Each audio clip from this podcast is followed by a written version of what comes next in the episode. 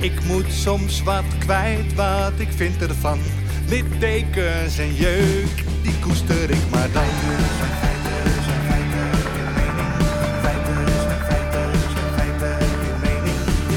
Duidelijk en luid. Riemen vast vooruit.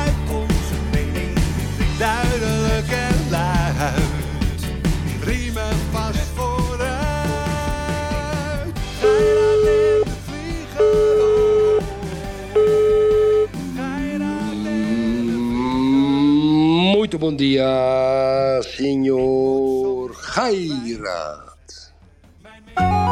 Mijn vader is een tovenaar. Het is echt, het is heus, het is raar, maar waar. Een tita tovenaar. Het is raar, het is raar, het is raar.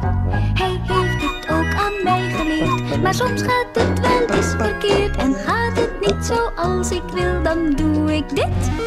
En alles staat stil. En alles staat stil. En alles Goedemorgen. staat stil. De stikstof staat stil. De stikstof staat stil. Goedemorgen, goedemiddag, goedenavond, goedenacht, alle luisteraars. Goedemorgen, kapitein Erik de Vlieger. Meneer Gairat, wat een weekje, hè? Zo, Ja, earthquake, earthquake, terramotta. terremotta. Oh ja, dat wil ik nog even zeggen. Er is vannacht hier in, eh, in de Algarve een aardbeving geweest van 3,7 op de schaal van Richter. Oh, Om tien over drie vannacht. En de voetbalteams die spelen, waaronder Paris Saint-Germain, eh, bij mijn zoons toernooi in Silvers, eh, die zijn daar wakker van geworden en erg geschrokken. oké. ja, Maar schade ook, Erik? weet ik niet. Weet ik niet. Weet ik niet. Er zijn altijd aardbevingen hier trouwens. Ja, ja. Ja, maar goed, dat is dus de aardbeving hier. En, maar de aardbeving in Nederland is natuurlijk, ja, Oh, dat was wel een aardbeving. Maar nu had, had jij dit zien aankomen? Zo'n mega aardbeving? nee. Nee, nee, toch? nee, nee, eerlijk nee, over zijn. nee, nee, nee. Ik, ik, ik had ook geen, nee, nee, nee. Had ik niet zien aankomen. Maar wat, en, wat, en wat, wat vond je het meest verbazingwekkende wat er is gebeurd? Het meest verbazingwekkende vind ik eh, de Republiek Amsterdam. Kijk, de Republiek Amsterdam, ehm, dames en heren. Gairat en ik zijn natuurlijk eh, echte Amsterdammers. In a way. Ja, ik ben er niet geboren, maar ik ben een Amsterdammer. Ehm, Zandvoort, ja, dat weet je het wel. Ehm, een paar dingen. Eén, de verkiezingsuitslag in Amsterdam is helemaal anders. Al- net als die gehersenspoelde zoon van jou, Jossie. GroenLinks, PvdA, Partij van de Dieren, D66. Gewoon eh, gigantisch. Ga je nou... je, je ga, ik laat niet mijn zoon tweede- beledigen, hè? Ten- Ik beledig het ook niet. Ik zeg alleen dat hij gehersenspoeld is. Nee, nee, nee, nee, nee. nee, nee, Ja, als je op GroenLinks stemt, ben je gehersenspoeld. Hij heeft helemaal niet op GroenLinks gestemd. Je, kijk, je- de kunst is om te luisteren als iemand wat zegt. Hij heeft drie partijen genoemd de vorige keer. En hij kan straks mag hij vertellen wat hij heeft gedaan. Ja, Oké, dan heb ik in Amsterdam de voorpagina van het Parool gezien. Voorpagina in koeienletter stond... De stad stemt tegen tirannie van de boeren. Als je dus als krant, als belangrijkste krant van Amsterdam... de stad stemt tegen tirannie van de boeren... als grote kop Ja. ehm, ehm, doet, dan, dan, ben je, dan deug je niet. En ten derde, over Amsterdam, zie ik die zielige mannetjes. Wagendorp, ehm, eh, Volkskrant-columnisten, Schimmelpennetjes, eh, eh, Rob Wijnberg van de correspondent, eh, Tom-Jan Meus van de NRC. Eh, die hebben natuurlijk allemaal in dat 18, 19 procent, nee, bij elkaar 30, 35 procent PvdA, GroenLinks, D66 gestemd, dat soort mannetjes. En het niet accepteren van een andere wens van het volk en daardoor de BBB wegzetten als een klompenfascistische-achtige partij. Ik walg van die mensen, Yves Geirat. Ik vind die Amsterdamse media, vieze, vuile profiteurtjes zo erg. Met, met aan de leiding het parool om zo'n kop te maken. Ik vind, het, ik vind ze slecht voor Nederland. Ik vind het niet hele slechte mensen, maar slechte mensen. Ik vind het kakkerlakken en profiteurs. Dat vind ik echt. Ja, en uiteindelijk nog bloedzuigers ook. Ik vind het een schande hoe Amsterdam zich gedraagt. Een schande. Nou, ik vind het een schande hoe, ehm, mensen niet bereid zijn om feiten te erkennen. Kijk, dat, jij noemt het parool. Erik, het parool is een flutkrant. Dat is niet meer het parool. Het is gewoon eh, de partijkrant van GroenLinks. En een beetje van de D66. Ik, ik walg van die krant. Maar dat maakt niet uit. Zo, er is ook een markt voor om de een of andere Zeker. manier. Zeker, zeker. van DPG. Ik bedoel, als je de, de, het parool pakte namelijk, de dag op de verkiezingen, waren twee advertenties stonden erin. Eentje was van D66 en de andere was van GroenLinks. Nou, het heeft niet gewerkt, Erik. Dus het In is, Amsterdam wel. ja, Amsterdam heeft altijd eh, traditioneel, dat noemen zij dan links gestemd. Maar Ja. daarnaast, ik bedoel, de kop die ik dan heb is Amsterdam kiest links, progressief en groen. En feitelijk is dat niet juist. Dus als je namelijk alle percentages gaat opstellen, wat, eh, optellen bij elkaar, wat er is gestemd, is het ongeveer 50-50. Als je alle splinterpartijtjes bij elkaar pakt. Eh, of het de ChristenUnie is, of het is de PVV, of het is Ja21, BBB, VVD. Ja, D66, ik weet niet. Die zeggen altijd dat ze het midden zijn, dus laten we dat maar even houden. Partij van de Dieren, is dat links? Ik weet het niet. Misschien is het ook rechts. Misschien is het gewoon een gezond verstand. Die zijn voor de dieren. Ze lullen maar wat, Erik. Maar we gaan het even in alle rust hebben over eh, A, eh, het slagveld wat is aangericht. Maar laten we vooral even beginnen. We hebben een eh, compilatie gemaakt van de reacties van de verschillende partijleiders. Dus ik weet niet of je een pennetje Leuk. bij de hand hebt of, Ja, of dat je het natuurlijk. onthoudt. Ja, misschien Nee. dat je iets wil opschrijven. Misschien, nou, niet alleen maar misschien, je lijkt, eh, je lijkt wel een politicus, zeg. Mhm. Mhm. Oké, shoot. Dat moet Leuk. ook wel, hè? Als vader van, wat was het ook alweer? Een, een, Een gehersenspoelde zoon. Oh ja, nee, precies. Oké, daar komt hij dan. Wat de fuck is hier gebeurd? En normaal gesproken, als mensen geen vertrouwen meer hebben in de politiek, dan blijven ze thuis. En vandaag hebben ze laten zien dat ze niet meer thuis willen blijven. Ze willen hun stem laten horen.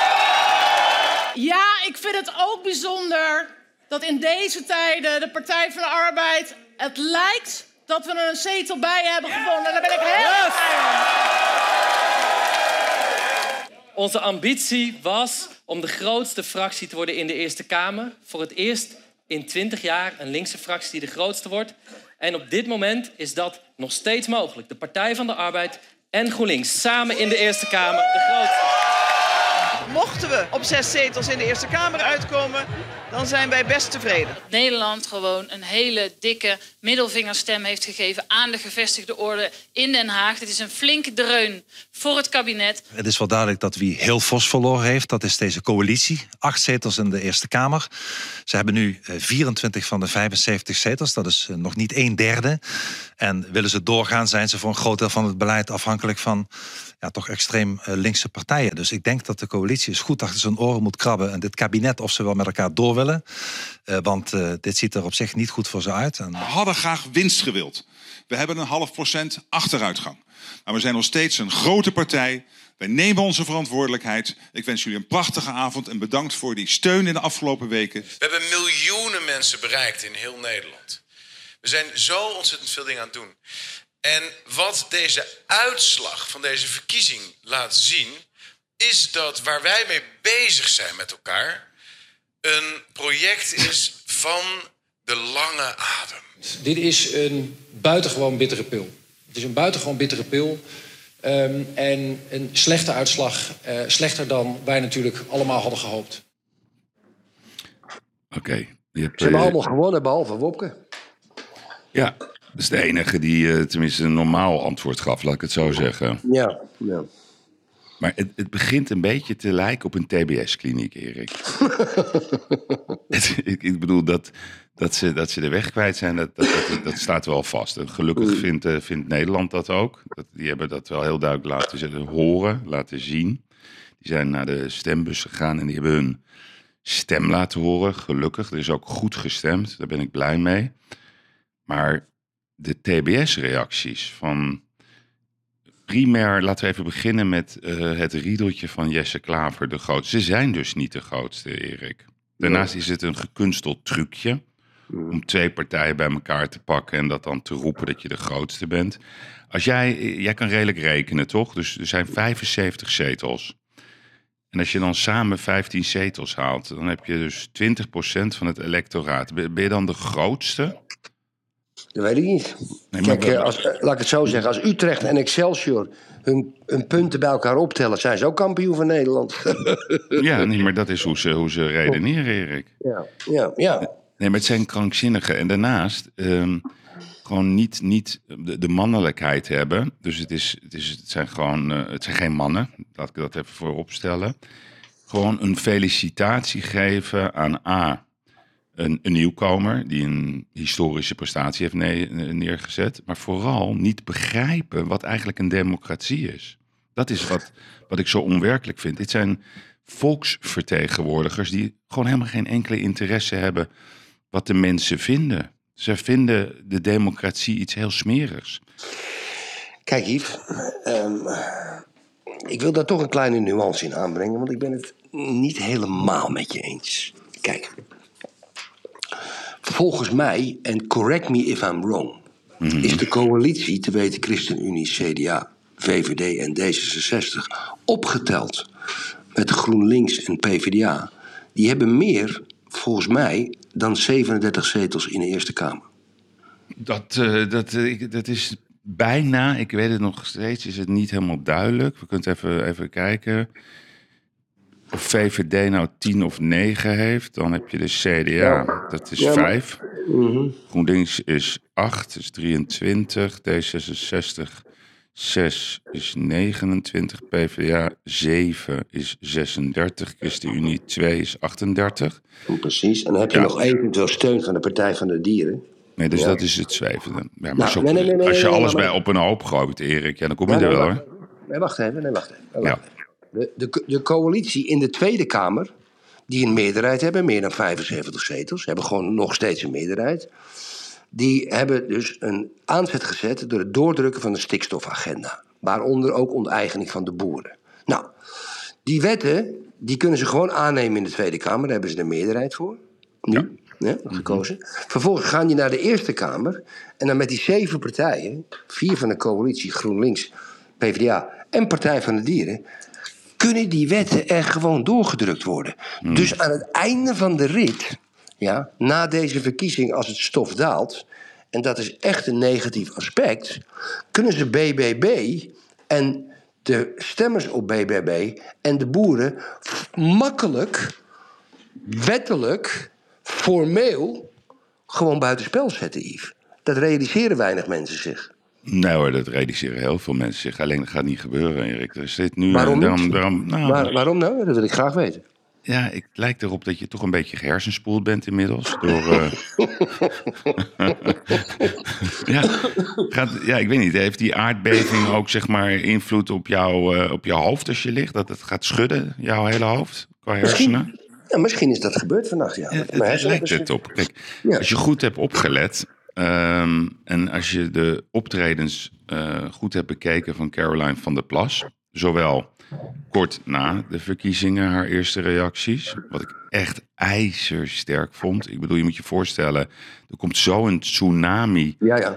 aan euforie naar boven en verbazing over de aantallen die je haalt. In één provincie zelfs een derde van de kiezers. Ja, dat is, dat is abnormaal.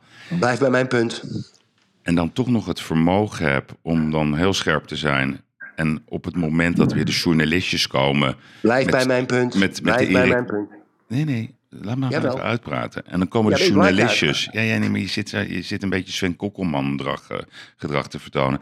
Dus op het moment ja, dat, dat, dat dan meteen weer die vraag wordt gesteld. Ja, maar. Hè, dus dan komen ze met Erik de Vlieger vraag. En dan zegt Ja. Caroline: dat gaat niet gebeuren. We gaan dit keer niet eh, de kiezer negeren. De kiezer heeft namelijk heel duidelijk, Erik, heel luid, heel rigoureus gesproken. Dus het kan niet, wat jij zegt. Technisch, technisch kan jij weer in jouw riedeltje geloven. Want er zit nu twee jaar lang een kabinet. wat al lang is weggestemd. Mhm. Al lang, al lang. Het is eigenlijk een failliet demissionair kabinet. Maar ze zitten er nog steeds. Of Alleen wat er nu is gebeurd met de provinciale staatsverkiezingen. dat gaat natuurlijk niet over de provincies. Dat gaat over de nummer één frustratie van heel Nederland. Wij zijn klaar, helemaal klaar met het huidige politieke beleid. Dat is het signaal van de, van de kiezer geweest. Dat wordt ook bevestigd door Ipsos in alle onderzoeken die gedaan zijn. Ze zijn er klaar mee. Dat kan je niet negeren. Als je dat niet begrijpt, en ze begrijpen het niet, maar misschien willen ze het niet begrijpen, Erik. Het gaat niet gebeuren wat jij zegt. Omdat dat niet kan. Oké, Yves. Iedereen heeft verloren. Ja, Nee, maar iedereen nou heeft op. verloren. Je moet, je, je, je, je, je, je- elke keer maak je je verhaal af en dan plak je er een zin achter. Nee, omdat, je niet, omdat, je, omdat ik niet zeg wat je wil horen. Yves, ik heb je net uitgelegd hoe het wettelijk zit. Punt. Ja, dat is gewoon zo. Ja, met de meerderheid in de Tweede Kamer vanwege de verkiezingen van twee jaar geleden. En met de meerderheid voor de stikstofagenda met de zeven partijen. Dat is gewoon een feit. Het enige waar, we, waar, waar Caroline natuurlijk helemaal gelijk in heeft... is dat ze in twaalf provincies met BBB de grootste partij is. Dat Dus? houdt in... Dus? Wat houdt dat in? houdt- dat houdt eigenlijk in dat de uitvoering van het beleid... wat een groot gedeelte door de provincie ook gebeurt... de uitvoering, waar wettelijke kaders voor worden gemaakt... door Tweede en Eerste Kamer. Eerste Kamer rectificeert die wetten, bijvoorbeeld onteigeningswetten. Daar kan de provincie, mits daar een bepaalde coalitie is, zeggen... wij voeren dit niet uit. Dat wordt het conflict. Maar formeel gezien moeten ze het uitvoeren.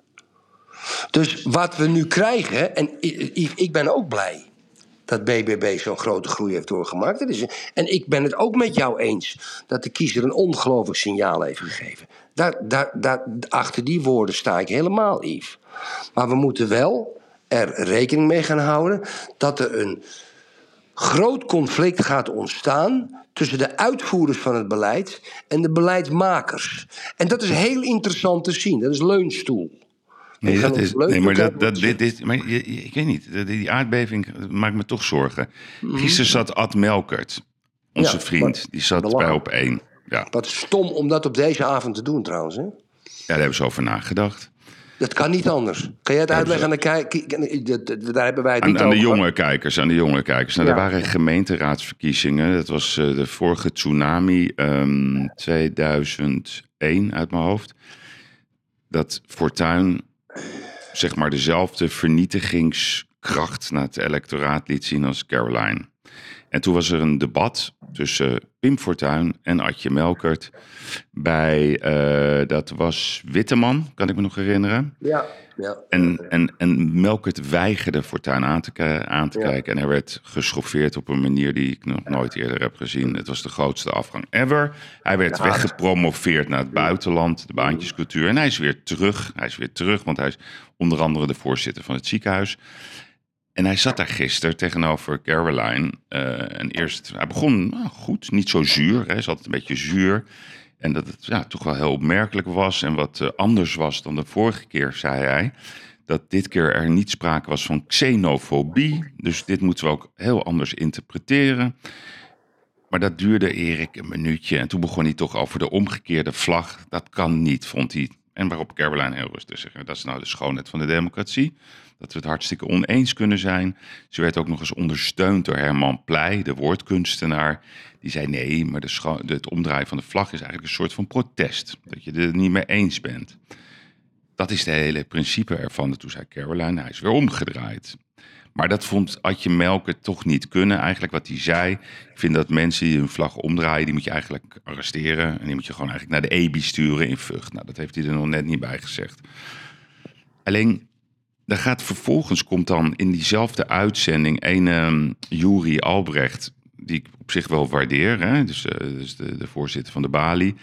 Die begint dan even een soort populair zinnetje te, te droppen richting Caroline. Ja, die paar miljardairs, daar moet je toch niet uh, voor doen allemaal. Nou, die heeft ook geen idee. Ja, het is ook een krachtig gewoon een lulletje, joh. Die, ja, ja. Nee, maar Erik, je moet even, je moet, heel, je, je, moet zo blij zijn wat er is gebeurd. Ik ben dus heel blij. Ongelooflijk ja, maar, blij. Maar, maar, wat is er mis Omdat met de media, nee, de media is zo hard afgestraft. Dus, ja, ja. dus de, het Parool, de Volkskrant, het NRC. Dat zijn, mm -hmm. dat zijn toch heel duidelijk kranten die altijd maar die agenda van GroenLinks en D66 promoten. Het zijn ook hun bronnen. Er wordt permanent gelekt. De mensen, Erik, waar wij het zo vaak over hebben gehad de afgelopen twee jaar, die hebben zo duidelijk laten zien, dus ook in de grote steden, dus ook waar boeren eigenlijk geen bedrijven niet waar, hebben. Niet waar. In Amsterdam, Rotterdam, In Noord-. Noord-Holland, Erik, is BBB de grootste. Ja, ja, maar dat is Noord-Hollandse provincie. Maar niet Ja, in de grote steden. Maar ik vind, ik vind, ik vind, vind, vind Noord-Holland een gebied dat ik nooit had verwacht dat BBB de grootste zou worden. En ze zijn het wel. En dat Amsterdam, die vrij, zeg maar, GroenLinks-achtige agenda, gewoon de Jup-agenda, laten we gewoon Ja, eerlijk zijn, de grachtengordel-agenda, want dat is het namelijk. Poen links. Ja, Poen links, ja. Dus het, heeft, het, het, is, het is zo ongelooflijk interessant wat er is gebeurd. En, het, en wat ik verwacht, de beweging die ik verwacht, is dat ehm, Caroline die sluit niemand uit. Die gaat gewoon met iedereen praten. Er zijn wel degelijk goede bestuurders natuurlijk in de provincie van een aantal traditionele partijen. Ik verwacht dat er een eh, coalitie gesmeed gaat worden tussen VVD, CDA, BBB, ChristenUnie, SGP. Als je dat bij elkaar optelt en ja 21. Dus als we die bij elkaar optellen, dan hebben we het over 19 zetels. Even kijken, 20, 22, 27, 37 zetels. Nou, dus dat, dat wordt even. Dit, het is heel grappig. Het gaat om één zeteltje in PVV, alle. PVV gaat ook mee hoor, met die coalitie. Hoor. In, in, Nou. stem, in stemgedrag. Exact. Dus het grappige is dat, eh, dat Caroline nooit Wilders uitsluit. Dat weigert ze gewoon te doen. Dus er gaat een, een rechtse agenda ontstaan, zoals links dat noemt. Terwijl Caroline zelf ook zegt: Ik ben niet links, ik ben niet rechts. Gewoon, In de provincie wel, maar in de Eerste Kamer weet ik het niet, Yves. Dat wordt de Eerste Kamer, Erik. Dit is de zetelverdeling die ik aan jou vertel van de Eerste Kamer. Ja, maar- dit, dit is de zetelverdeling. Ja, Yves, ik heb je ook net de zetelverdeling van die zeven partijen net uitgelegd. Partij van de Dieren, GroenLinks, PvdA en de Ja, coalitie. maar dat zijn allemaal verliezers. Dus dat kan toch niet? Een verkiezing is toch zo dat de winnaars aan tafel moeten zitten, of niet? Yves, het maakt je geen reet uit, let nou maar op. Ja, nee, maar dat is iets anders. Dat, daar zijn we het over eens. Dat Ja, als, de. CDA, als de CDA Zullen en de alles Christen- doen. Ja, maar Yves, als de CDA en de ChristenUnie zich aansluiten in de Eerste Kamer met een stemgedrag met betrekking tot de stikstofagenda, dan, dan dat gaan ze niet doen. Die gaan loyaal blijven aan de coalitie in de Tweede Nee, Kamer. Nee, nee, maar omdat Ja, ja, ook, ook in de provincies er totaal nou geen steun is. Waarom ben ik Ja. gehersenspoeld als ik deze logische conclusie trek? Nee, het is juist onlogisch wat jij zegt. Want jij, jij begrijpt dus op de een of andere manier niet dat er een onwaarschijnlijke overwinning is geweest van een nieuwkomer. En die heet BBB. Wat de grootste, grootste schop is tegen het huidige kabinet. Ja, maar dat snap Dus ik wel ook in de provincies. Ja, dus de provincies willen helemaal niet met, met, met dat traditionele doorgaan. Ook in Gelderland willen ze dat niet, Erik. Ook in Drenthe willen ze dat niet. Ook in Limburg willen ze dat, Dat niet. is het volk. Ook in Overijssel willen ze We dat niet. Dat zijn de, de provinciale staten willen dat niet, Yves, Erik. Yves, De mensen Yves. die daar zitten willen het niet. Mensen zijn helemaal klaar met Kaag. Mensen zijn klaar. En ik, als ik het heb over mensen, dan heb ik het dus ook over bestuurders van de provinciale verkiezingen. Yves, Ja. Dream on. De Europese digitale identiteit. Daar willen ze geen eens een debat over voeren in de Tweede Kamer. Dat hebben ze er gewoon tegen de wil van het volk doorheen gejast.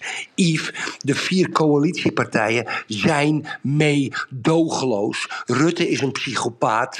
En Kaag is een incompetent figuur. Die de hele dag, die de hele dag met één ding niet bezig is. Dat is minister van Financiën zijn.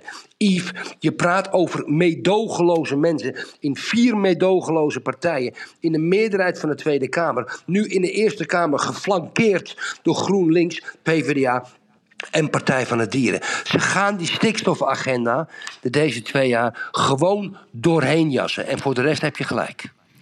Ik denk dat je gebrainwashed... Kijk, dus dit was ook de reactie van Van der Wal. Dus die, die heeft Precies. de grootste nederlaag ever. Ja, dus ze hebben gewoon verloren. De hele coalitie heeft verloren. En dit is wat, wat zij dan zegt. Grote zegen voor BBB. Eh, wat betekent dit voor de minister van Stikstof? Nou, dat betekent dat ik eerst BBB natuurlijk wil feliciteren. Want ze hebben een hele knappe campagne gevoerd. Dat hebben ze echt goed gedaan. Met natuurlijk een prachtige uitslag eh, deze avond. Ik ben ook blij dat de VVD redelijk stabiel is, eh, is gebleven. We hebben natuurlijk veel pijnlijke dossiers. Eh, ook eh, onder de bewindspersonen van, eh, van de VVD. Waarbij we echt moeilijke keuzes moeten maken. Ja, dan ben ik blij dat we redelijk stabiel zijn, zijn gebleven. Dat begrijp ik, maar wat betekent dit voor de grote stikstofcrisis waarin we verkeren? Gaat die met BBB ook worden opgelost? Ja, wat je gaat zien nu denk ik is dat alle provincies in Nederland gaan de komende weken onderhandelen. Daarin heeft BBB natuurlijk nu een grote verantwoordelijkheid. En, ehm, en ik ga eerst het onderhandelingsresultaat maar eens, eh, maar eens afwachten van al die Uitvoering, eh, bij zeg. elkaar. En eh, nou, mijn partij kennende doen al die VVD'ers daar ook graag aan mee. Hier in Noord-Brabant is er al gelijk heel concreet dat er geen milieuvergunningen kunnen worden gegeven. BBB is hier krankzinnig groot geworden. Wat betekent dat? Nou ja, uiteindelijk op, in alle provincies aan al die onderhandelingstafels zullen natuurlijk gewoon keuzes moeten worden gemaakt. En als je vergunningen wilt verlenen voor het legaliseren van pasmelders, voor woningen, voor economie, ja, dan moet je eerst de natuur herstellen. En dat kan alleen maar door minder stikstof uit te stoten. Maar beide kunnen niet tegelijk waar zijn. Je kunt niet zeggen ik doe niks aan stikstof, maar ik wil wel vergunningen verlenen. Dat laat Brabant al zien.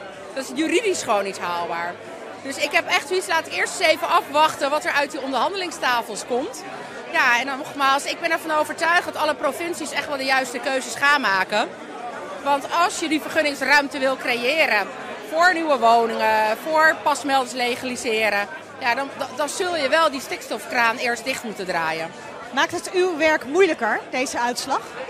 Nou, mijn werk is nooit eenvoudig. En eh, met of zonder deze uitslag. Het is gewoon een heel ingewikkeld dossier. Het vooral samen doen. Ik heb het afgelopen jaar ook heel goed samengewerkt met alle provincies. Alle provincies liggen ook heel goed op koers. Hè? Eh, 1 juli moeten ze gebiedsplannen inleveren. Eh, en alle provincies liggen ook op schema. Met... U, u vreest geen stilstand? Wat zegt u? U vreest geen stilstand? Nou, eigenlijk niet, want dat kunnen we ons gewoon niet permitteren. En eh, het enige wat we allemaal willen en moeten doen is morgen beginnen. Zodat we zo snel mogelijk Ja, Erik, ik, ik kan niet luisteren naar deze vrouw. Ja, maar ze bevestigen gewoon wat ik zeg, maar voor de rest eh, ben ik gehersenspoeld. Nee, zij, maar zij, zij is een, een, een, gewoon een, een, een praatpop. Maar Ja. de praatpop is uitgeschakeld. Dat is wat jij nog niet ziet. Hoe kom je Ze heeft bij? verloren. Ze heeft verloren, Erik. Het gaat om de uitvoering in de provincies. Ze hebben verloren. Ze hebben verloren. Ze lult. Kijk, één, de, deden ze zeg maar de valse werkelijkheid dat er in, in Noord-Brabant helemaal niet meer geen woningen worden gebouwd. Dat is een leugen. Dat is ook gisteren aan tafel bevestigd. Er worden wel gewoon vergunningen afgegeven. Dus dat is één. Dus ze liegen ook nog eens. Twee, vergunningen, Weinig vergunningen. Weinig. Twee is die 2030 eh, eh, doelstelling. Die hoeft helemaal niet. Dat is 2035. En drie, mevrouw Van der Plas, die heeft door dat je gewoon naar Brussel moet gaan. En dat je gewoon tegen Brussel zegt, we gaan het gewoon even anders doen. Punt. Als jij tijdens corona, Erik, iedere wet kan aanpassen. Dan moet jij mij uitleggen met gezond verstand. En gelukkig heeft de kiezer dat wel begrepen. Waarom je dit niet kan veranderen. Niemand ontkent dat er uitdagingen zijn. Dat er innovaties plaats moeten vinden. Dat de veestapel moet worden aangepast. Dat snapt iedereen. Maar we gaan dit niet meer doen zoals de, de kliek van mevrouw Van der Wal en mevrouw Kaag en meneer Klaver. En met, met zeg maar de, de, de uitvoerende dirigent, meneer Rutte, dat allemaal aan ons heeft uitgelegd. Het wordt niet meer geaccepteerd. En ik ben ongelooflijk blij dat Nederland zo duidelijk heeft gesproken. Ik ben er ongelooflijk blij mee. En het gaat ook gebeuren. Het is klaar. Het is helemaal klaar. Alleen, ja, Johan zei altijd, je gaat pas zien als je het door hebt. Ik heb het door, maar jij nog niet, heb ik het idee. Kijk. Ja. Ehm, je, hebt, je hebt, wat je net allemaal zei, daar heb je volledig gelijk in. En wat jij, jij, jij- jij maakt een denkfout. Jij, jij denkt dat de opsomming van de feiten mijn mening is. Maar dat is mijn mening niet. Ik ben ook hartstikke blij. En ik weet zeker dat er nu extra druk komt om eh, te ontstaan. Omdat er in die provincies, elke provincie, moet nu op een hele andere manier zaken gedaan worden. met het toepassen van het beleid. Dat is alles wat ik zeg. Hmm. Ja? Dus, maar als ze willen, rammen ze het gewoon door de Tweede en de Eerste Kamer heen. Dat is alles wat ik zeg. Nee, dat is wat ze willen. Ja, maar als ze willen, kunnen ze. Hij die, dat- hij die zondigt werpen de eerste steen, Erik. Er zijn meer stappen. Je hebt een Tweede Kamer, een Eerste Kamer, rectificeren. En dan, en dan moeten de provincies ook voor die uitvoering gaan zorgen. Dat zijn drie stappen, Yves. En dan vier, vier eigenlijk, want dan de ambtenaren moeten dat gaan doen. Kijk, dat, dat is het. Maar de stappen van de Tweede Kamer en de Eerste Kamer, ze kunnen, ze, de zeven partijen, kunnen gewoon in principe doorgaan met het opleggen. De uitvoering is een ander, ander, ander verhaal. Hoe je het wendt of keert, het gaat een chaos worden, omdat er stikstofdoelstellingen zijn waarbij ze zeggen er moet stikstofcreëerders moeten weg, omdat we anders niet kunnen vliegen en anders geen woningen kunnen bouwen. Daar is het natuurlijk fout gegaan. Maar dat is het fabeltje. Ja, ja, nee, ja maar dat, daar hebben ze een wet van gemaakt. Daarom gaan mensen naar de rechter. Die, die magere kerel met het ongezonde uiterlijk. Die gaat naar de, de rechter toe en die krijgt gelijk. En dan wordt alles gestopt. Ja, Maar het is een fabeltje. het, wordt een chaos. En we gaan dat, twee dat, jaar lang... Dat, dat, het niet eenvoudig wordt, dat is één ding wat zeker is. Maar dat, dat de grote kentering heeft plaatsgevonden. En dat de verkiezing zo onwaarschijnlijk duidelijk is hoe de mensen het zien. Dus niet hoe de politici het zien en hoe Ja, ja. bepaalde media het zien. Dit, nee, dit is, de dem, dit is de schoonheid van de democratie, Erik. zeker, De mensen hebben gewoon gezegd, optieven. En die boodschap is zo duidelijk. En dan kunnen ze allemaal leuke verhaaltjes vertellen. We zijn de grootste. En we zijn stabiel gebleven. En, en, en we hebben gewonnen. Weet je, het is allemaal onzin. Het is zo'n onzin.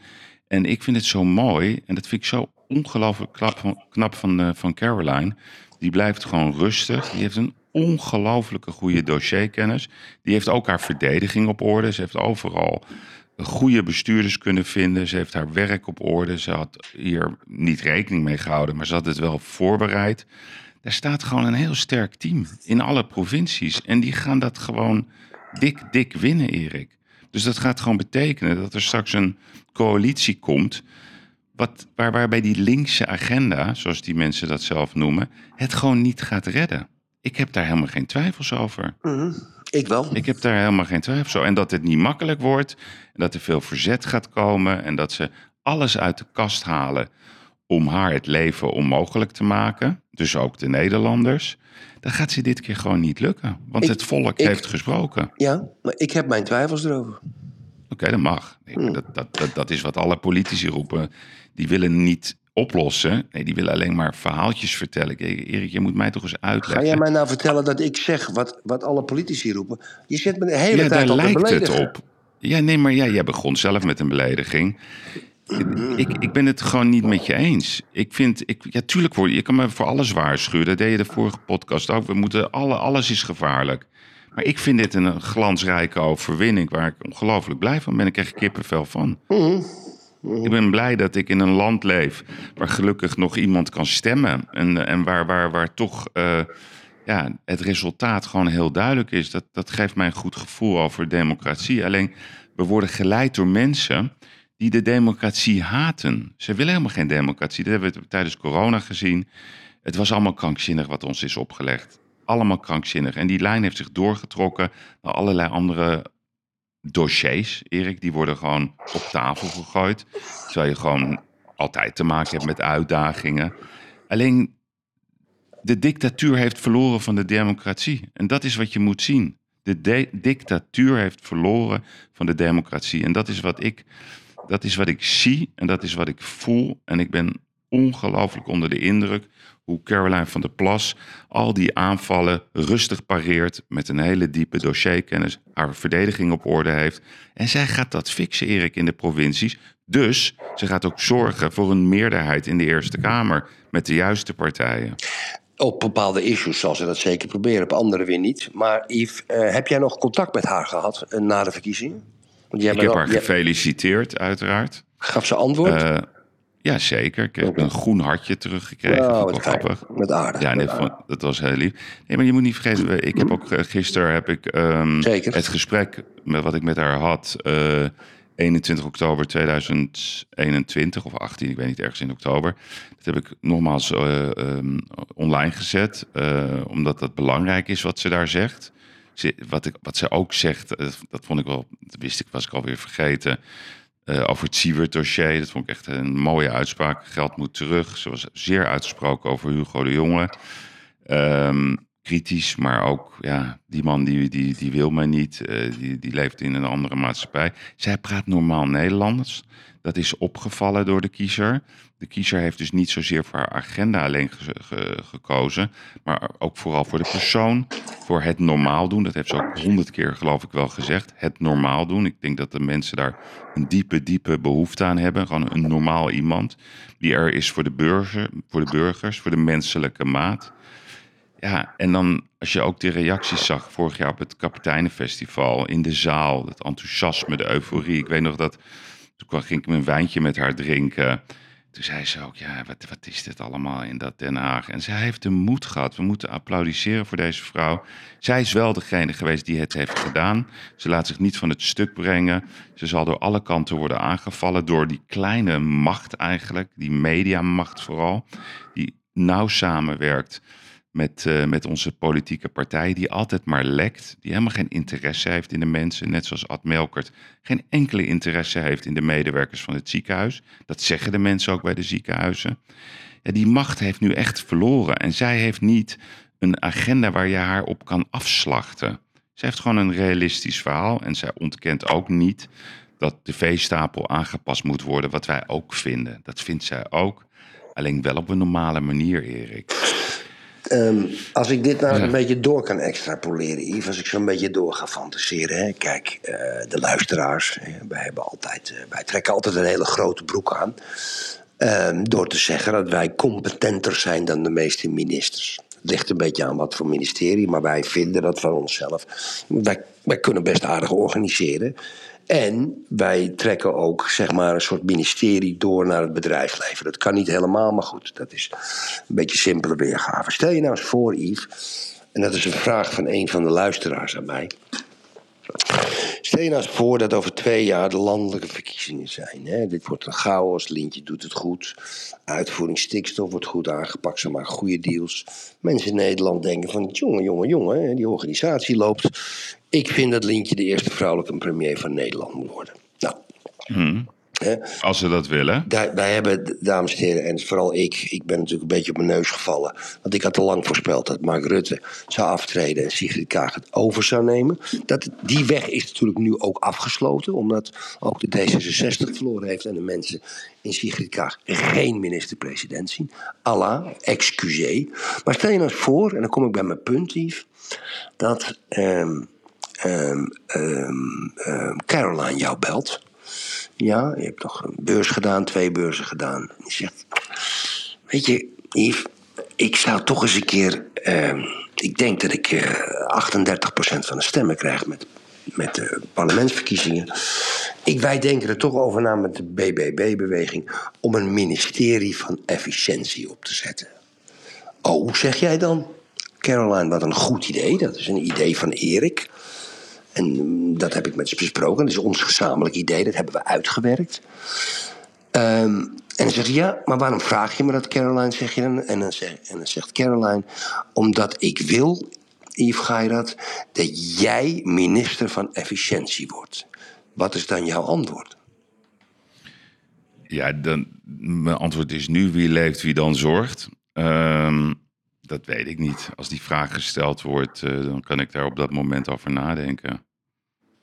Dan zeg ik geen nee tegen en ook geen ja. Dat weet ik niet. Dat, dat zou ik dan op dat moment moeten bekijken wat de situatie is. Mhm, Oké. Ja, het is heel stoer om nu te roepen, ja, dat ga ik doen. Het is ook heel stoer om te roepen, dat ga ik nooit doen. Mhm. Dat moeten we op dat moment beoordelen. Mhm. Ja. Oké. Nou, een beetje teleurstellend voor de luisteraars eigenlijk. Mag ik even een Nee, shout- Nee, mag, nee, nee, nee. mag ik even een shout-out Mag ik even een Ja. doen naar Remco Pardoel? Een gewaardeerde Twitter-vriend. En die, eh, die heeft ons zo'n prachtig compliment gegeven... dat hij het ah, echt de beste podcast vindt die er is op dit moment.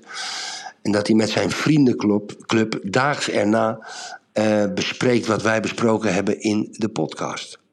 Mhm. En, en zij waren het niet eens met Jossie in de uitzending. Ik trouwens wel. Ja, ik vond het fantastisch. Nou, we gaan even. We hebben een, compilatie gemaakt, Erik.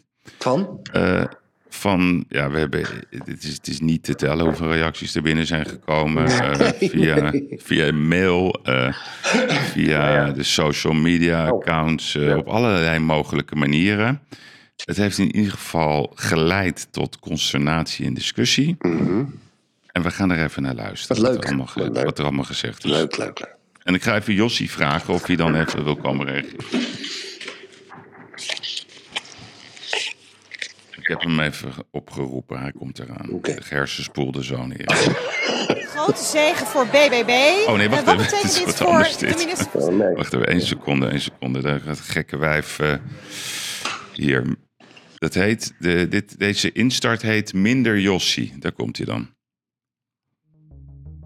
Yves en Erik, zelden kwamen er zoveel reacties binnen na een uitzending. En dan ook nog eens enorm divers qua inhoud. Het ging alle kanten op en kwam van alle kanten. Zou het hier gaan om een generatiekloof? Of is het een derde wiel aan het wagen dingetje? Luister maar. De rest laat ik aan jullie over. Ik ben kapitein van het eerste uur. Ik ben geïnteresseerd in jullie gelouterde visie op allerlei zaken. Door ervaring wijs en eerlijk geworden. Wat me de laatste tijd irriteert, is dat Jossie zo'n prominente rol begint in te nemen. Stop met promoten van jullie zoontjes.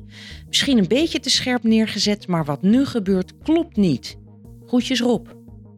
In Jossie hoor ik mijn zoon. En daar word ik triest van voor de toekomst. Hoop met de jaren dat ze verstandiger worden. Dit was de beste podcast ever. Komt dit door Jossie's bijdrage? We luisteren altijd. Desondanks stemmen we Partij van de Dieren, omdat zij geen stem hebben. Caroline is een tof wijf, maar of de dieren dat ook vinden? Geweldige podcast, heerlijk inhoudelijke discussie. Mooi, fel zoals altijd en zo scherp als een Japans mes. De podcast van maandag was erg leuk om naar te luisteren. Wel vind ik dat de kloof tussen jong en oud inmiddels angstig groot is geworden. Hoe is het gekomen dat de jeugd met heel veel onderwerpen zo weinig inzicht heeft ontwikkeld ten aanzien van oorzaak en gevolg, wat ten grondslag ligt aan alles in het leven? Meerdere van deze discussies met jong en oud zou erg leuk en leerzaam zijn.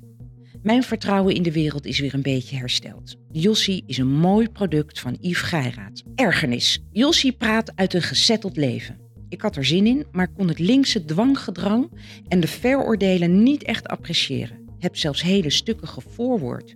Hoop niet dat de zoon vaker aansluit. Het maakt de podcast er niet beter. Ik leerde best veel van dit gesprek. Ook voor mijn omgang met mijn kinderen die andere opvattingen hebben. Meer dan al die kutdebatten. Beste Yves en Erik, geschrokken van de podcast van 13 maart. Wat chaotisch en met veel te veel Jossie. Jullie chemie vind ik altijd geweldig, maar was nu nergens te vinden. De podcast is van jullie tweetjes met wat rubrieken en is zo perfect. Hoop echt dat het niet de bedoeling is dat jullie het vaker met z'n drietjes gaan doen. Aangezien Jossie steeds vaker te horen is en nu zelfs de hele podcast meepraten. Dit is uiteraard maar een mening, maar ik moest het even kwijt. Liefs en kusjes, Asta. Wederom een fijne podcast. Was wel verrast over de generatiekloof. En ik ben nog geen 50. Jullie maken het bespreekbaar en daarom een diepe buiging. Moet bekennen, ik ben team de vlieger. Tip. Geen Jossie meer in de podcast. Te weinig levenservaring en uitleggend vermogen. Niemand uit laten praten en daardoor één groot kippenhok. Veel te woke. Erik vond ik wel lekker fel. Hou ik van. Mannen, dit was de beste podcast ooit, vond ik. Heb zelf kinderen in dezelfde leeftijd als Jossie en eigenlijk hoor ik van hen hetzelfde. Mijn mening ligt tussen die van jullie in. Maar ik heb ongelooflijk genoten. Respect en zeker voor Jossie. Als ondernemer weet ik hoe belangrijk ongezouten feedback is en daarom hierbij een bericht. Iedere maandag en vrijdag zie ik uit naar jullie show. De kracht daarvan is wat mij betreft jullie wijsheid vanuit jullie bijzondere levenservaring. Over een jaar of dertig zal Josje wellicht ook zoiets moois kunnen neerzetten, maar op dit moment vind ik zijn bijdrage storend. Doe er jullie voordeel mee, of niet, en graag weer tot vrijdag. Groeten, Anne. De uitspraak van Jossie aan het eind van de podcast vond ik hoopvol en wijs. Iedereen heeft recht om een eigen keuze te maken en het is goed om elkaar te respecteren. Erik en Yves, het woord is aan jullie.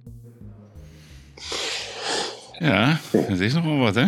Ja, ja, mooi. Maar ik vind het toch fijn. Al, al die meningen goed dat mensen dat sturen. En dat vind ik, dat, dat vind ik leuk. Ehm, ik, vond het, ik, ik vond het wel fijn dat Josje erbij was. En ehm, ik, ik, ik schrok ook van de generatiekloof. Eh, wat ik, even, ik weet niet meer welke degene was die dat zei, maar kijk, het, is natuurlijk ook een kwestie van levenservaring waar we mee bezig zijn. En we hebben natuurlijk ook dingen in de maatschappij gezien op zijn leeftijd en voor zijn leeftijd. En Jossie is natuurlijk vanaf zijn zestiende, zeg maar vijftiende, pas echt gaan deelnemen aan de maatschappij. Ook misschien met zijn denkwijze, de voorpuberteit en weet ik wat. Dus die heeft acht, negen jaren, die heeft pak hem bij drie, vierduizend dagen pas echt in, in deze maatschappij eh, deelgenomen, laat ik het zo zeggen. Dus um, um, dan, dan zit hij ook, vind ik echt nog in die Amsterdamse wolk. En um, ja, ik, ik denk dat, dat, dat en daar maak ik me wel zorgen over, op zich een gevaarlijk laconiek, laconieke mening heeft over uh, in, in de toekomst waar deze maatschappij naartoe gaat. En zich ook ongelooflijk laat beïnvloeden door ja, zijn generatie. Zijn, zijn generatie daar in Amsterdam. Ik, ik, ik, ik, ik, ik zie het gewoon gebeuren. Ik, het, gaat niet goed. weet je, het al, we moeten, we moeten uh, clementie hebben voor al die vluchtelingen. Maar, maar, maar, niemand heeft clementie voor de Nederlander. Als we op een gegeven moment 22, 23 miljoen mensen in Nederland wonen. We halen uh, ongeletterde mensen in die we natuurlijk moeten helpen. We moeten iedereen ter wereld helpen. Maar de makkelijkheid waarbij ze zeggen: ja, zet die grenzen maar open. Ja, dat vind ik toch Um, en dat zeg ik wel agressief, vind ik een levensgevaarlijke mening voor de toekomst van mijn kinderen en mijn kleinkinderen. En ik vind Jossie's mening gevaarlijk voor, voor de toekomst van Nederland, Yves. En sommige mensen voelen het ook. Alleen het mooie is, het mooie is dat we dit gewoon kunnen doen. En daarom was het een van onze beste podcasts. En ik hou ook van Jossie, punt. Oké.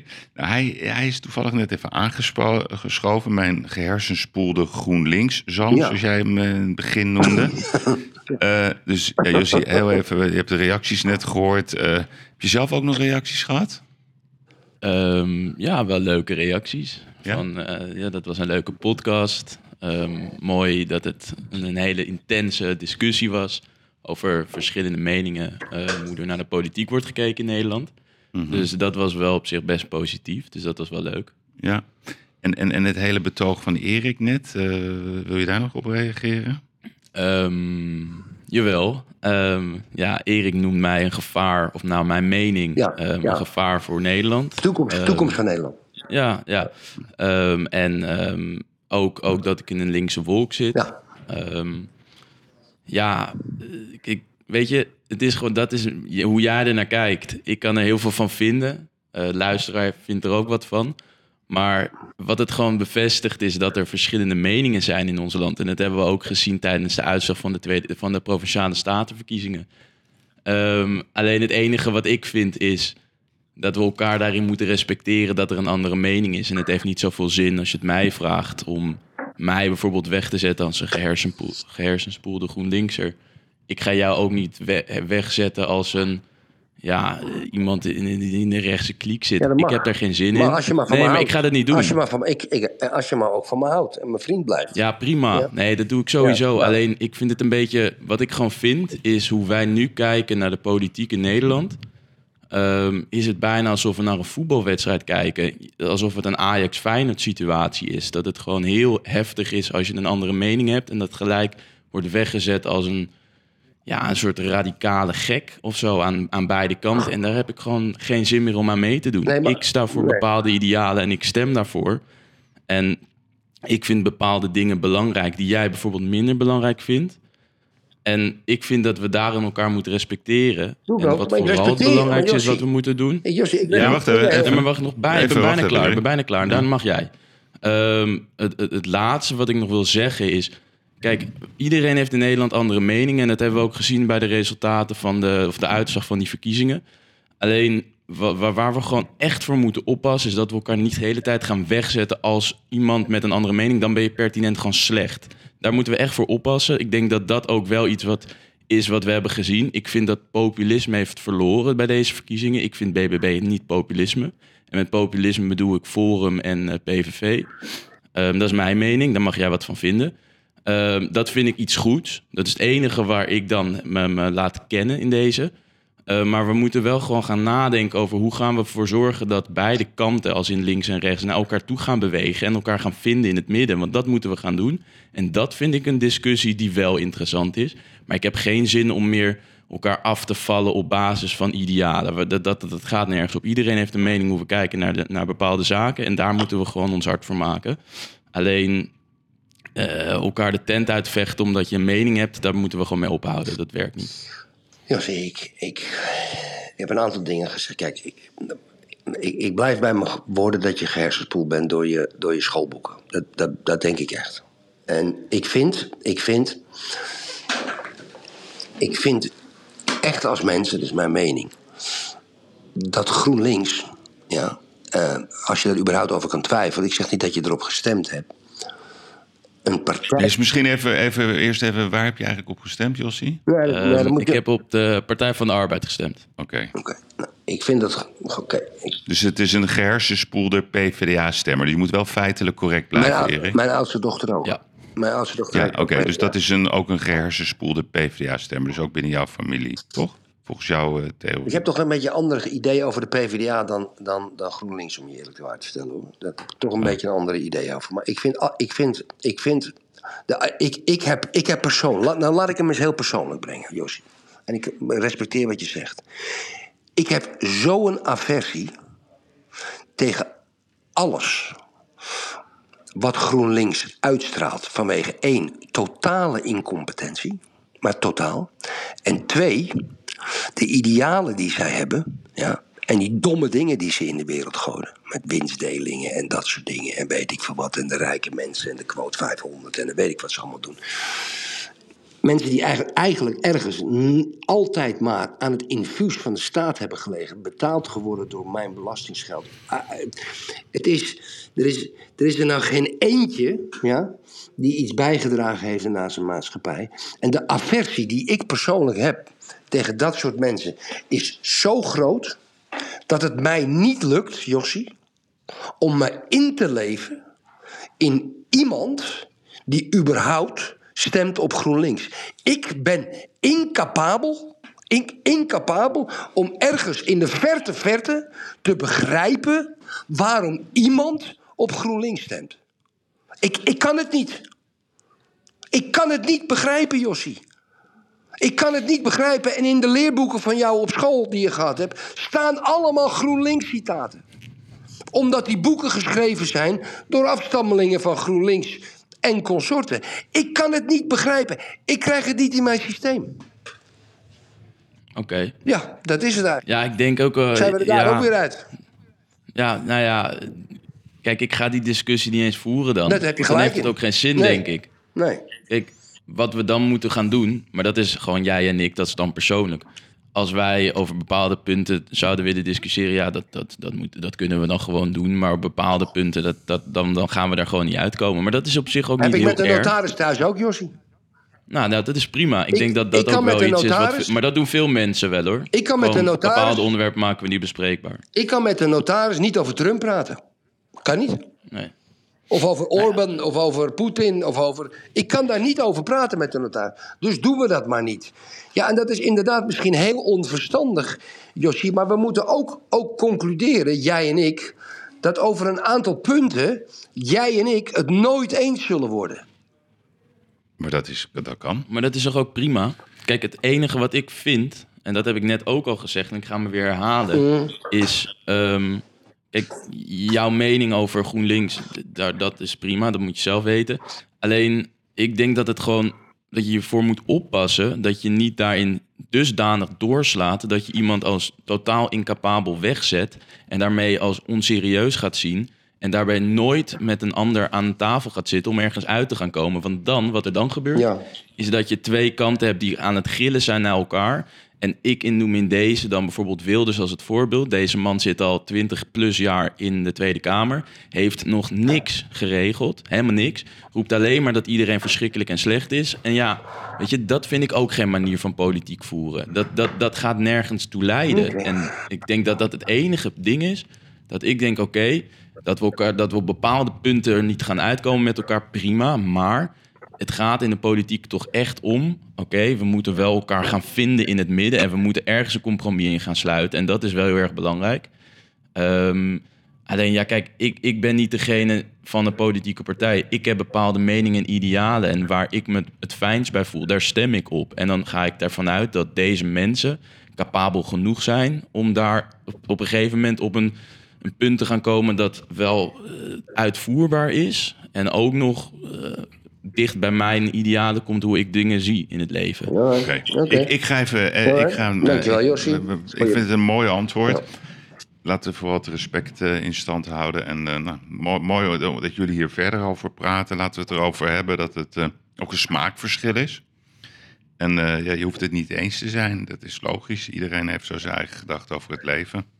Zo is dat. Dus, eh, en dat moeten we in stand houden. Dankjewel. Dankjewel, Jossie. Graag gedaan. Mannen, veel plezier. Ja. Dankjewel. Hey. Ik vind het een mooi moment om eh, naar Jaap te gaan. Even eerst, eh, even eerst een andere vraag, Yves. Wat is jouw favoriete groente eigenlijk? Mijn favoriete groente? ja. Dat is een leuke vraag. Ehm, mijn favoriete groente. Echt die groente, waar- als dat op tafel wordt geserveerd, je denkt van, ja, lekker. Nou, ik hou heel erg van, eh, van broccoli. Groene. groene, groene ja, ja, en maar wel met een beetje met een soort Japans sausje eroverheen. Dus dat vind ik lekker. Jezus, kan het lekker. Ik hou ook, Erik, van ehm, peultjes. Mhm. Maar ook wederom, als het maar wel gekruid is en ja, wel gebakken. Een beetje stevig, daar hou ik van. Mhm.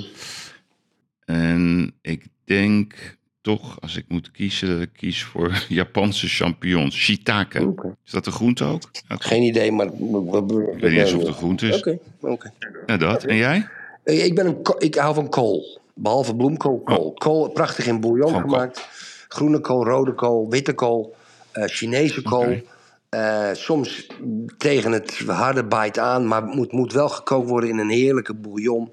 En dan vind ik dat heerlijk, Yves. Maar dat is eventjes terzijde. De verrekijker.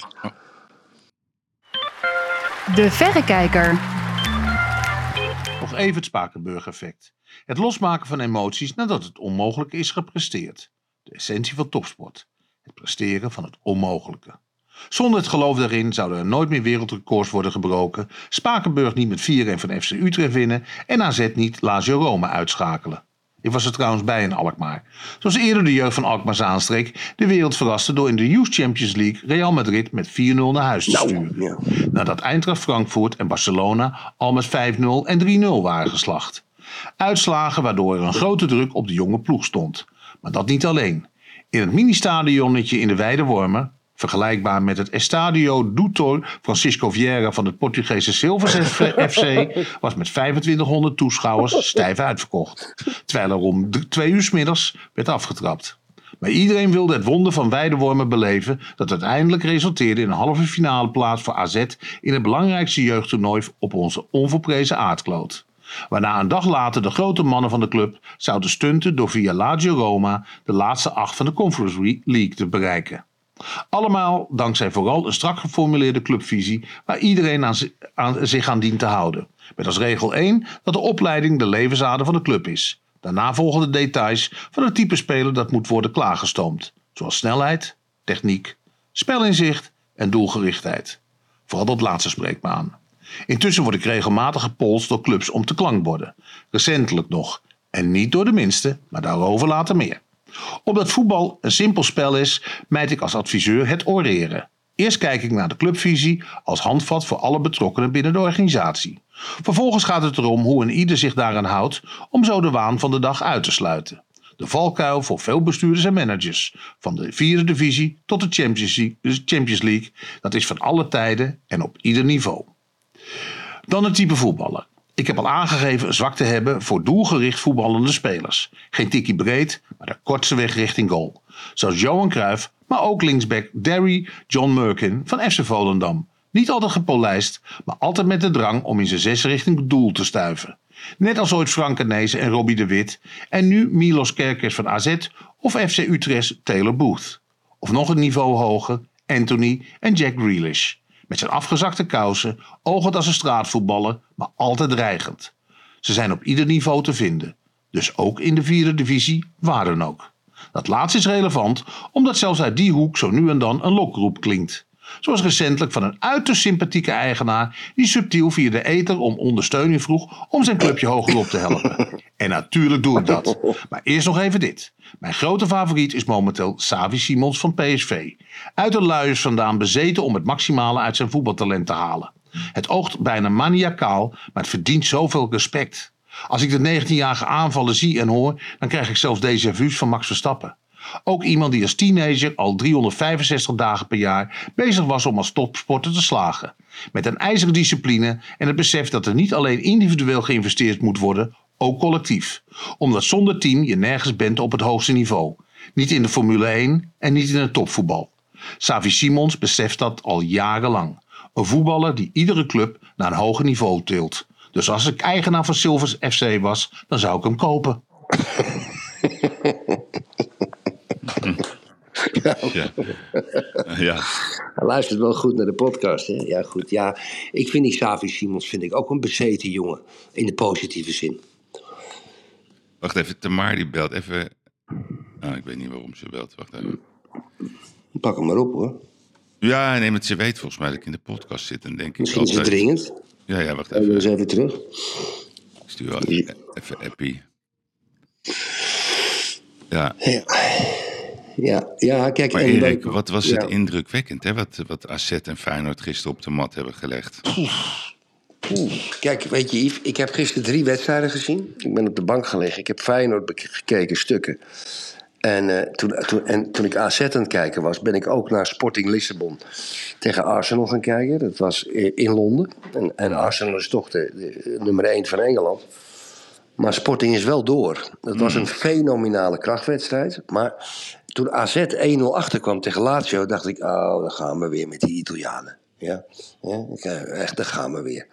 Maar hoe die gasten zich terugvochten... Ze spelen overigens AZ onder 17. Dit weekend ook iets zilvers. Met het jeugdtoernooi. En ik verheug me al om, om naar die jongens te gaan kijken. Want die jeugdopleiding... dat geeft mij echt heel veel vertrouwen... in de toekomst van het Nederlandse voetbal. En wat ik gisteren gezien heb, ook met Feyenoord...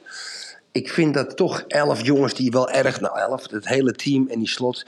Ik krijg daar toch een heel vrolijk gevoel bij, hoor. Ik vind dat... Ik vind die, die, die, die wil die die Feyenoorders hebben... dat, dat, dat, dat, dat één op één contact met het publiek... Ik, ik ben toch diep onder in die Koksu en die andere gasten die toch echt aan het voetballen waren. Hè, die donkere rechtsback, hoe heet die ook alweer? Die, die, Geertruida. Geertruiden, wat een man is dat zeg. Jezus, mina, één brok graniet en concentratie. Ook zijn techniek, die zie je wekelijks verbeteren. Ik ga jou vertellen, Yves, ik doe je een voorspelling. Ze gaan Ajax afslachten. Ja, ja. Ik denk dat ze gewoon met 1-4 of 1-3 gaan winnen, Feyenoord. Ik vind ze mentaal zo sterk. Wat een knallers van een gasten. Wat een elftal heeft die Arne Slot van deze mensen gemaakt. Ik vind het mannen. Ik vind het beukers. Eh, Als ze een doelpunt maken, hoe ze met elkaar omgaan. Ik vind het fenomenaal. En ik, ik weet ook dat onze verrekijker Jaap de Groot hier ook enorm van kan genieten. En ook dat hij nu die, die, die, die, die jeugdopleiding van AZ pakt als een belangrijke toekomst. In de dingen zijn aan het verschuiven. Ik, eh, ik, zie, het, ik zie het eigenlijk wel eh, positief in. En ik zie het positief in voor Portugal qua voetbal. Ik zie de jeugdelftal ook. En ik zie het positief in voor een aantal voetbalclubs in Nederland. Waaronder Feyenoord, ja, waaronder AZ. Ja, en ik zie het minder positief in voor PSV en Ajax. Oké. Ik was vanochtend even bij. Ik heb gisteren was uit eten met, met ons, eh, sterke, supersterke sales team. Dus was, ik had een hele leuke avond. Dus ik heb alleen, eh, was vrij laat thuis. Toen heb ik de samenvattingen gezien van zowel Feyenoord als AZ. Ja, Ik wist niet wat ik zag op mijn telefoon. Dat het, zei, Nee. het stond 7-0 toen ik eh, even ging kijken. Dit is een grapje of zo. Ja, ik ik ja, denk, ik ga nog een keer op die knop drukken. Maar het, het, bleek toch echt zo te zijn. Ja, en als je dan ja, die wedstrijd terugkijkt, ook van AZ. Trots vooral. Ik heb trots eh, dat ze met weinig middelen ja, op zo'n manier zeg maar, eh, fantastische teams op de mat leggen. Mm. En wat, wat grappig is, ik was vanochtend eh, even bij Benno van Gassan. En, ja, Echte Feyenoorder. Echte Feyenoorder. Die, was gisteravond natuurlijk eh, in de Kuip. En die, die was euforisch vanochtend. Mhm. Maar hij zegt, we gaan... eh, we. Hij zegt, dan heeft hij het over we. Feyenoord. Hij zegt, we gaan gewoon verliezen hoor van Ajax, zegt hij. Ja, dat zeggen alle Feyenoorders, maar dat is niet Ja. waar. Ja. Dat zeggen ze uit zelfbescherming. Dat zeggen ze uit Dat kan, zelfbescherming. dat kan, dat kan, dat kan. Maar als je kijkt naar wat Heiting gaat doet, eh, vorige week, eerste 30 minuten tegen Herenveen, dat was ijzersterk, maar daarna toch weer wat minder, vond ik. Ja, ik weet niet, het zal erom spannen. Het gaat er Ja, heel erg om spannen. het is heel relevant, want als je niet wint, ja, dan denk ik dat het, eh, dan is het klaar. Ja, kijk, ja, klopt. Maar ik vind, kijk, ik, ik als, het is factor geluk gaat een rol spelen zondag. Read my lips. De eerste 20 minuten gaat heel belangrijk worden. Maar ik denk dat Feyenoord, die gaat ze opvreten. Ja? Ja. Die gaan die Bessie zo onder druk zetten qua opbouw. Ja? Er wordt helemaal niks. Ja, Bessie en Timber gaan niet opgebouwd worden. Blind is weg.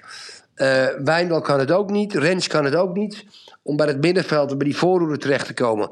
Als die Kudus misschien terug laat vallen, geef ik in, in de opbouw over rechts, geef ik Ajax nog een kans. Dat moet Heiting gaan doen. Kudus helemaal terug laten vallen, dat die, dat, dat die verbinding kan maken. Maar ik denk dat, zoals ik het gisteren gezien heb, Feyenoord die Ajaxide helemaal op gaat vreten. Ik denk van niet. We gaan Nee. het zien. Ik ben erbij. Ja. Je bent er niet, hè? Nee, ik ga... Want ik heb nog ehm, een kaartje voor je als je, als je Ja, mee wil. zo jammer. Ik, maar ik, ga, ik blijf, eh, het is dus vanaf half drie. Ik ga op de bank liggen. Dan gaan we eerst Ja. Ajax Feyenoord. Dan de Formule 1 om 6 uur. En Ja. daarna s'avonds eh Real Madrid Barcelona. Het wordt zondag Super Sunday. perfecte dag. Ik ga zaterdag ga ik rolmopsen kopen. Kaas kopen. Bier kopen. Ik ga allemaal dropjes kopen. Ik ga allemaal ook eh, eh, eh, mooie dunne Zaterdag Milaan San Remo nog. Oh, jongen, het wordt wat allemaal. En Het weet je wordt wat het mooie is? je Max op geluk is? zondag, Mathieu op zaterdag. Weet je wat mijn geluk is? Nou, De notaris gaat zaterdag, blijft zaterdag in Lissabon, Lissabon slapen met haar Oh, dochters. jongen, ja, heerlijk. want die gaan, naar, die gaan naar een concert van Roger Waters. ja, en, en die komen pas zondag om een en- uur en jij zei blijf lekker. Jij zei ook blijf lekker Oh, lang, neem je schat, tijd. Zou je, schatje, zou je dat nou wel doen? En ik was van binnen van... Wat heerlijk. Nee, maar Erik, het wordt één groot feestweekend. eh, want groot die hebben ook feest. nog Twente AZ. Die hebben we ook nog. Ja, ook nog. Ja. Oh, Vitesse PSV. En Joost Luiten, die volg ik dan. eh, Die is aan het golfen in, eh, in eh, Zuid-Afrika. Die, gisteren sloeg hij een albatros. Weet je wat dat is, een albatros? Dat is toch een, hol- een albatros? Nee. Ja. Dat, wat is dat? Nee, dus je hebt, je hebt een, een par. Of nee, laat ik het Ja. even helemaal volledig doen. Een Birdie, bogey. een Als je, par, een nee, een, bogey? een bogey is één boven, eh, boven Ja. zeg maar de, de, de baan. Dus als, je, als, als het eh, vier slagen ervoor staat en je maakt er vijf, is een bogey. Als je dan een vier maakt, is een par. Als je dan een drie maakt op een par vier, is een birdie. Als Ja. je dan een twee maakt, dus twee slagen onder de kaart, dus dat is dan een eagle. Ja? Als je op een par drie, ja, dat is een, een, een- een- waar, waar drie slagen voor staan, dat kan een hole in one zijn. Ja. En als je op een par vijf, dus een par vijf, als je hem in tweeën erin legt, dat is een albatros. Dat is de moeilijkste slag die er bestaat. Oké. Hij heeft er nu drie in zijn leven gemaakt. En eh, ja, ik heb het gisteren gezien. En ik ben een fan van hem. Ik mag hem ook graag. Dus dat vind ik ook leuk om naar te kijken. Dus ja, één groot feest wordt het. Alright, alright, alright. Waar zijn we nu, Yves? Wat, eh, wat, eh, wat, Nou, ik eh, had wel een wat vraag aan jou. behandelen? Nou, ik heb wel even twee Portugese vragen. Ik, ik, las, ik las dat Portugal, Spanje en Marokko zich willen kandideren voor het WK voetbal in 2030. Zeker, zeker. Dat zeker. zou geweldig zijn, Erik. Ja, dat is een goed idee. Dat is ook ook. goed voor de handel. Dat is fantastisch voor de handel. Ze hebben toen in Algarve een stadion neergezet. Daar hebben ze volgens mij drie keer gespeeld. Eh, ze hebben hele mooie stadions in, in Portugal. Dus ik zou dat een uitstekend idee vinden. Ja, Uitstekend ze moeten gaan vechten tegen het grote geld eh, in Saudi-Arabië. Dat, eh, die kant is natuurlijk wel groot met die Infantino aan het roer. Ja, Want ja. die, die is zo corrupt als de neten. Maar ja, ik, ik, ik Hoe weet je dat? Hoe weet je? Hij wordt er gewoon gekozen, anoniem. Ja, ik, je, je hoeft niet alles te weten om iets te weten. Hè? Nou, ik weet niet of hij corrupt is. Ik denk dat hij een gigantisch Ja, salaris verdient. Maar ik denk niet dat hij corrupt is, Yves. Ik denk het wel. Dan moet je, als dat Zijn mening, hè? ja, eh, Zijn Yves, mening. Yves, moet je goed luisteren. Er zijn mensen door de Amerikaanse overheid opgepakt in, gevangenis, Zwitserland ja, en in de gevangenis gegooid. Ja, ik denk niet dat tien jaar later hoor je dat vast. Ja, dat weet ik. Maar ik denk niet dat Infantino het risico wil nemen dat hij geld op zijn rekening heeft gekregen. Of in een vuilniszak met cash. Ja, wat al, in a way altijd uitkomt. Want dan pakken die Amerikanen pakken, pakken hem gewoon op. Pakken hem een- gewoon op. Ik vind het een creep. Ja, dat, dat, daar ben ik met je eens. Maar ik denk niet dat hij corrupt is. Beïnvloedbaar. Ik denk niet dat hij corrupt is. Oké, ik denk van wel.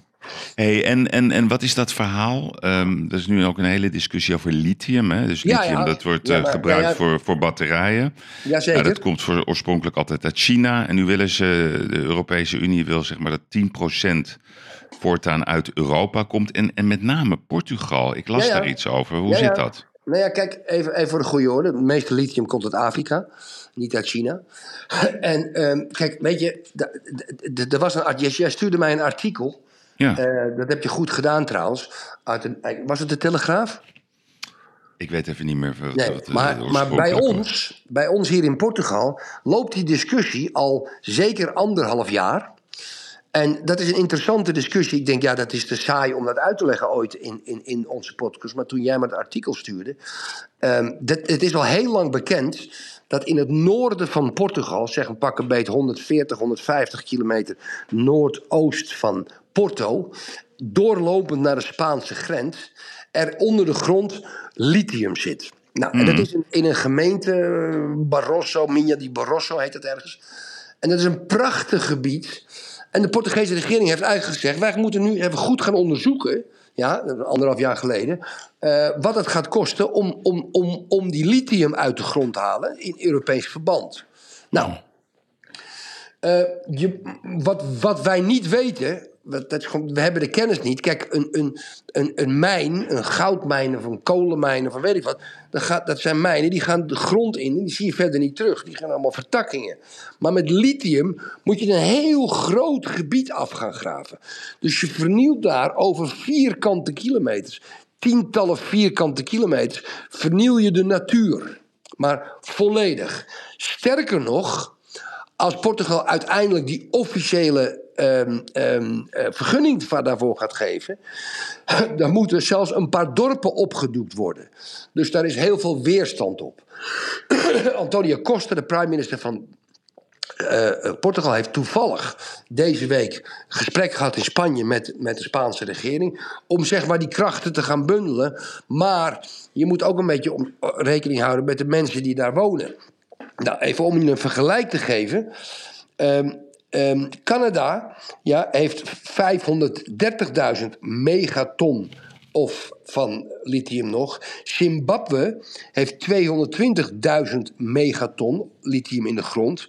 Brazilië heeft 95.000 megaton in de grond. Maar Portugal heeft toch ook al voor zo'n klein landje 60.000 megaton lithium in de grond. Nou, één ding, dat is een boel geld. Lekker voor de economie. En ik sluit af met de hoop dat de Portugese regering zich niet in de luren laten leggen door die kut-Amerikanen. Met zo'n zo'n groot Amerikaans grondstoffenbedrijf. die de Portugese regering weer gek maken. om de concessie aan een Amerikaans bedrijf te geven. en het zelf te doen. Dat hoop ik ter harte. En, die mensen, en die mensen moeten daar beschermd worden. Maar hoe je dat doet, geen idee. Maar moet jij niet ergens een stukje grond... eh, Ja, heb ik over na zitten denken. ja. Maar ja, dat is toch mijn, dat is toch mijn vak niet.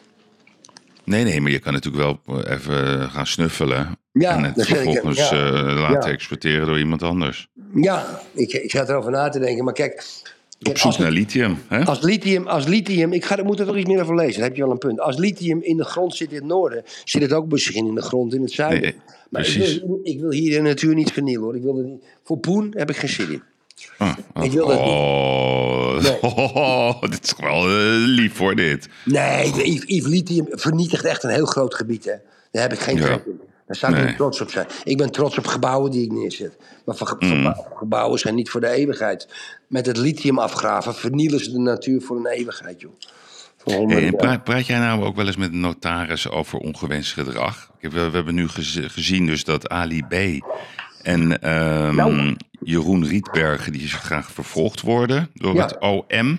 Ja. Marco Borsato, die zit even in de reservebank. Die heeft dus niks strafbaars gedaan bij The Voice. Die andere klacht wordt nog bekeken. Nou, de Ja, beste fijn. man is al, is al gecanceld in het kwadraat. Ja, maar goed, toch fijn voor hem.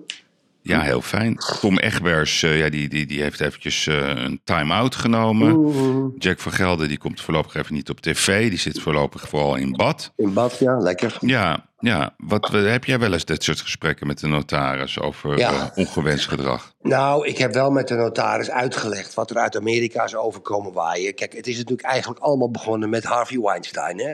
Echt Hmm. begonnen, hè? de MeToo-affaire. hè, dat heeft echt... Dat is een viezerik natuurlijk, weet je. En, en, en kijk, de, de ongewenste imi- intimiteit, dat bestond natuurlijk wel. Ja, maar, maar met MeToo is iedereen een beetje eh, scherper, eh, scherper aan de wind gaan zeilen. Nou, ik, ik had niet verwacht. Ik, praat ik met de notaris over? Ja. ja. Eh, in, in Portugal vindt dat niet echt plaats omdat de omgangsvormen in Portugal in vergelijking met Nederland veel formeler zijn. Snap je wat ik bedoel? Kijk, ik, ik maak wel eens hele, onder een man ook onderling. Een beetje, het kan een beetje vulgaire grap zijn. Maar onze omgangsvormen hier in Portugal die zijn veel formeler.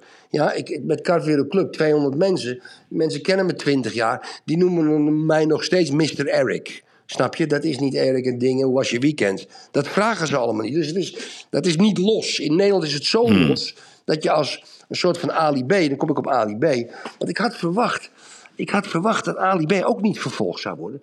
Maar ja, dan lees ik weer dingen. Die heeft het toch wel een klein beetje bond gemaakt, onze knuffel Marokkaan. Mhm. En, en, en kijk, dat leg ik dan uit aan een notaris. Maar die heeft daar helemaal geen. Ja, die, heeft er eigenlijk, die is nog nooit Het ongewenst. leeft helemaal niet op die manier. Nee, die is nog nooit. On, want als iemand, een klant van haar, een ongewenste opbrengst zou maken. trappen ze hem het kantoor uit. En dat doen ze niet, want ze heeft die afstand. Mensen hebben hier meer afstand. Ja? En in Nederland zijn wij veel losser. Mm. Ali B, Nou ja. ja. Ali B, ja, dat vind ik nogal wat.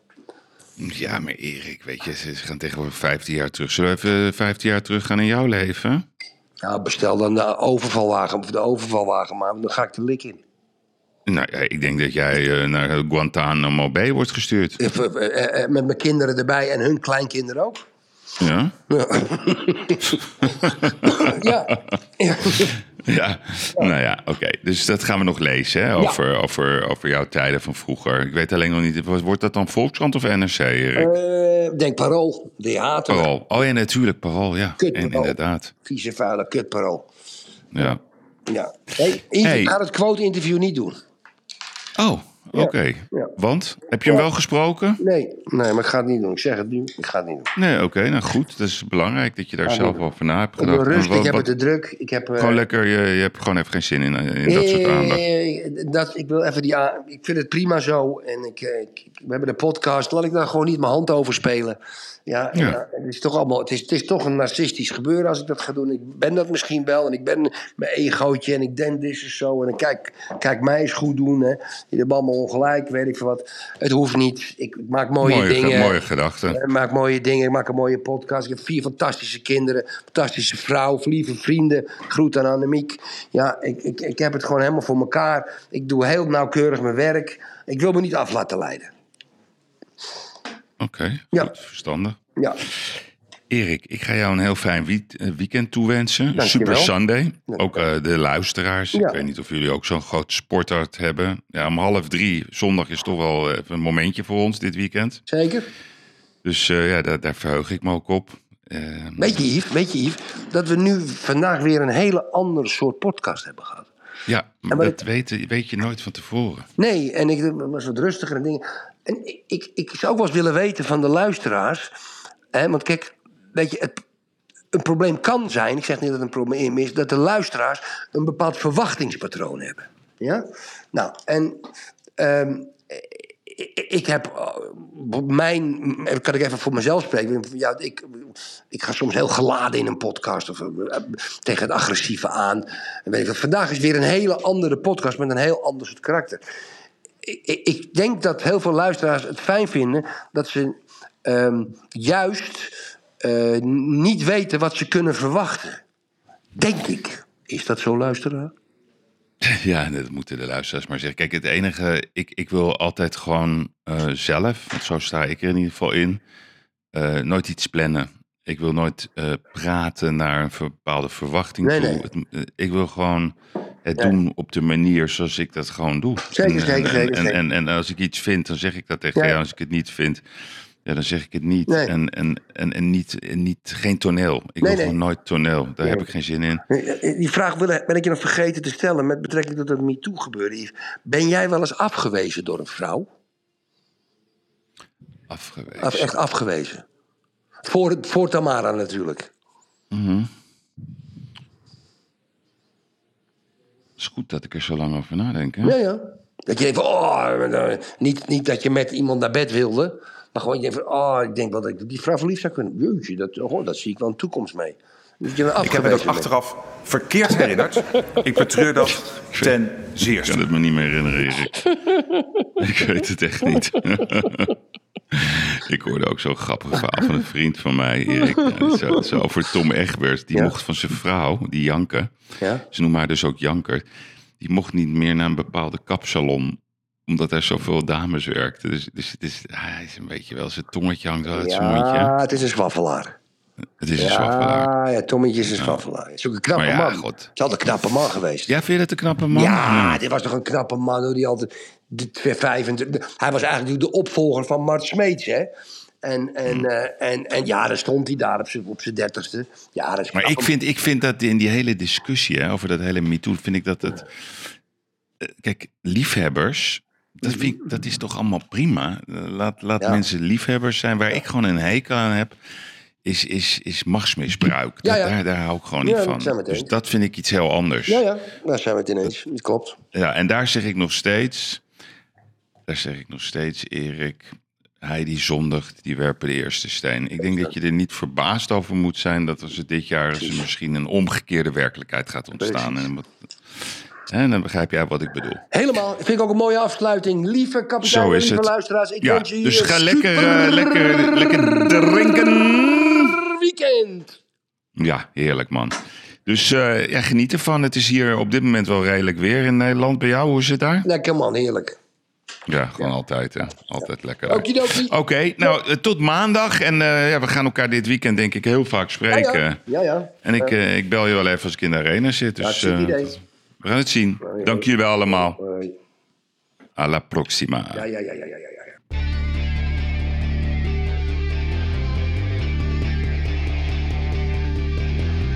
Ik moet soms wat kwijt wat ik vind ervan. Littekens en jeuk, die koester ik maar dan.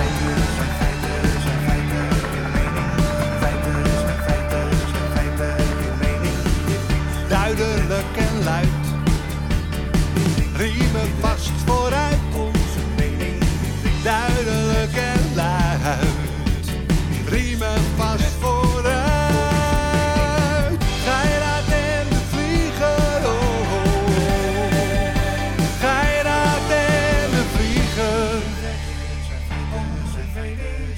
Moet soms wat kwijt. Mijn mening. Meer dan 80 jaar ervaring.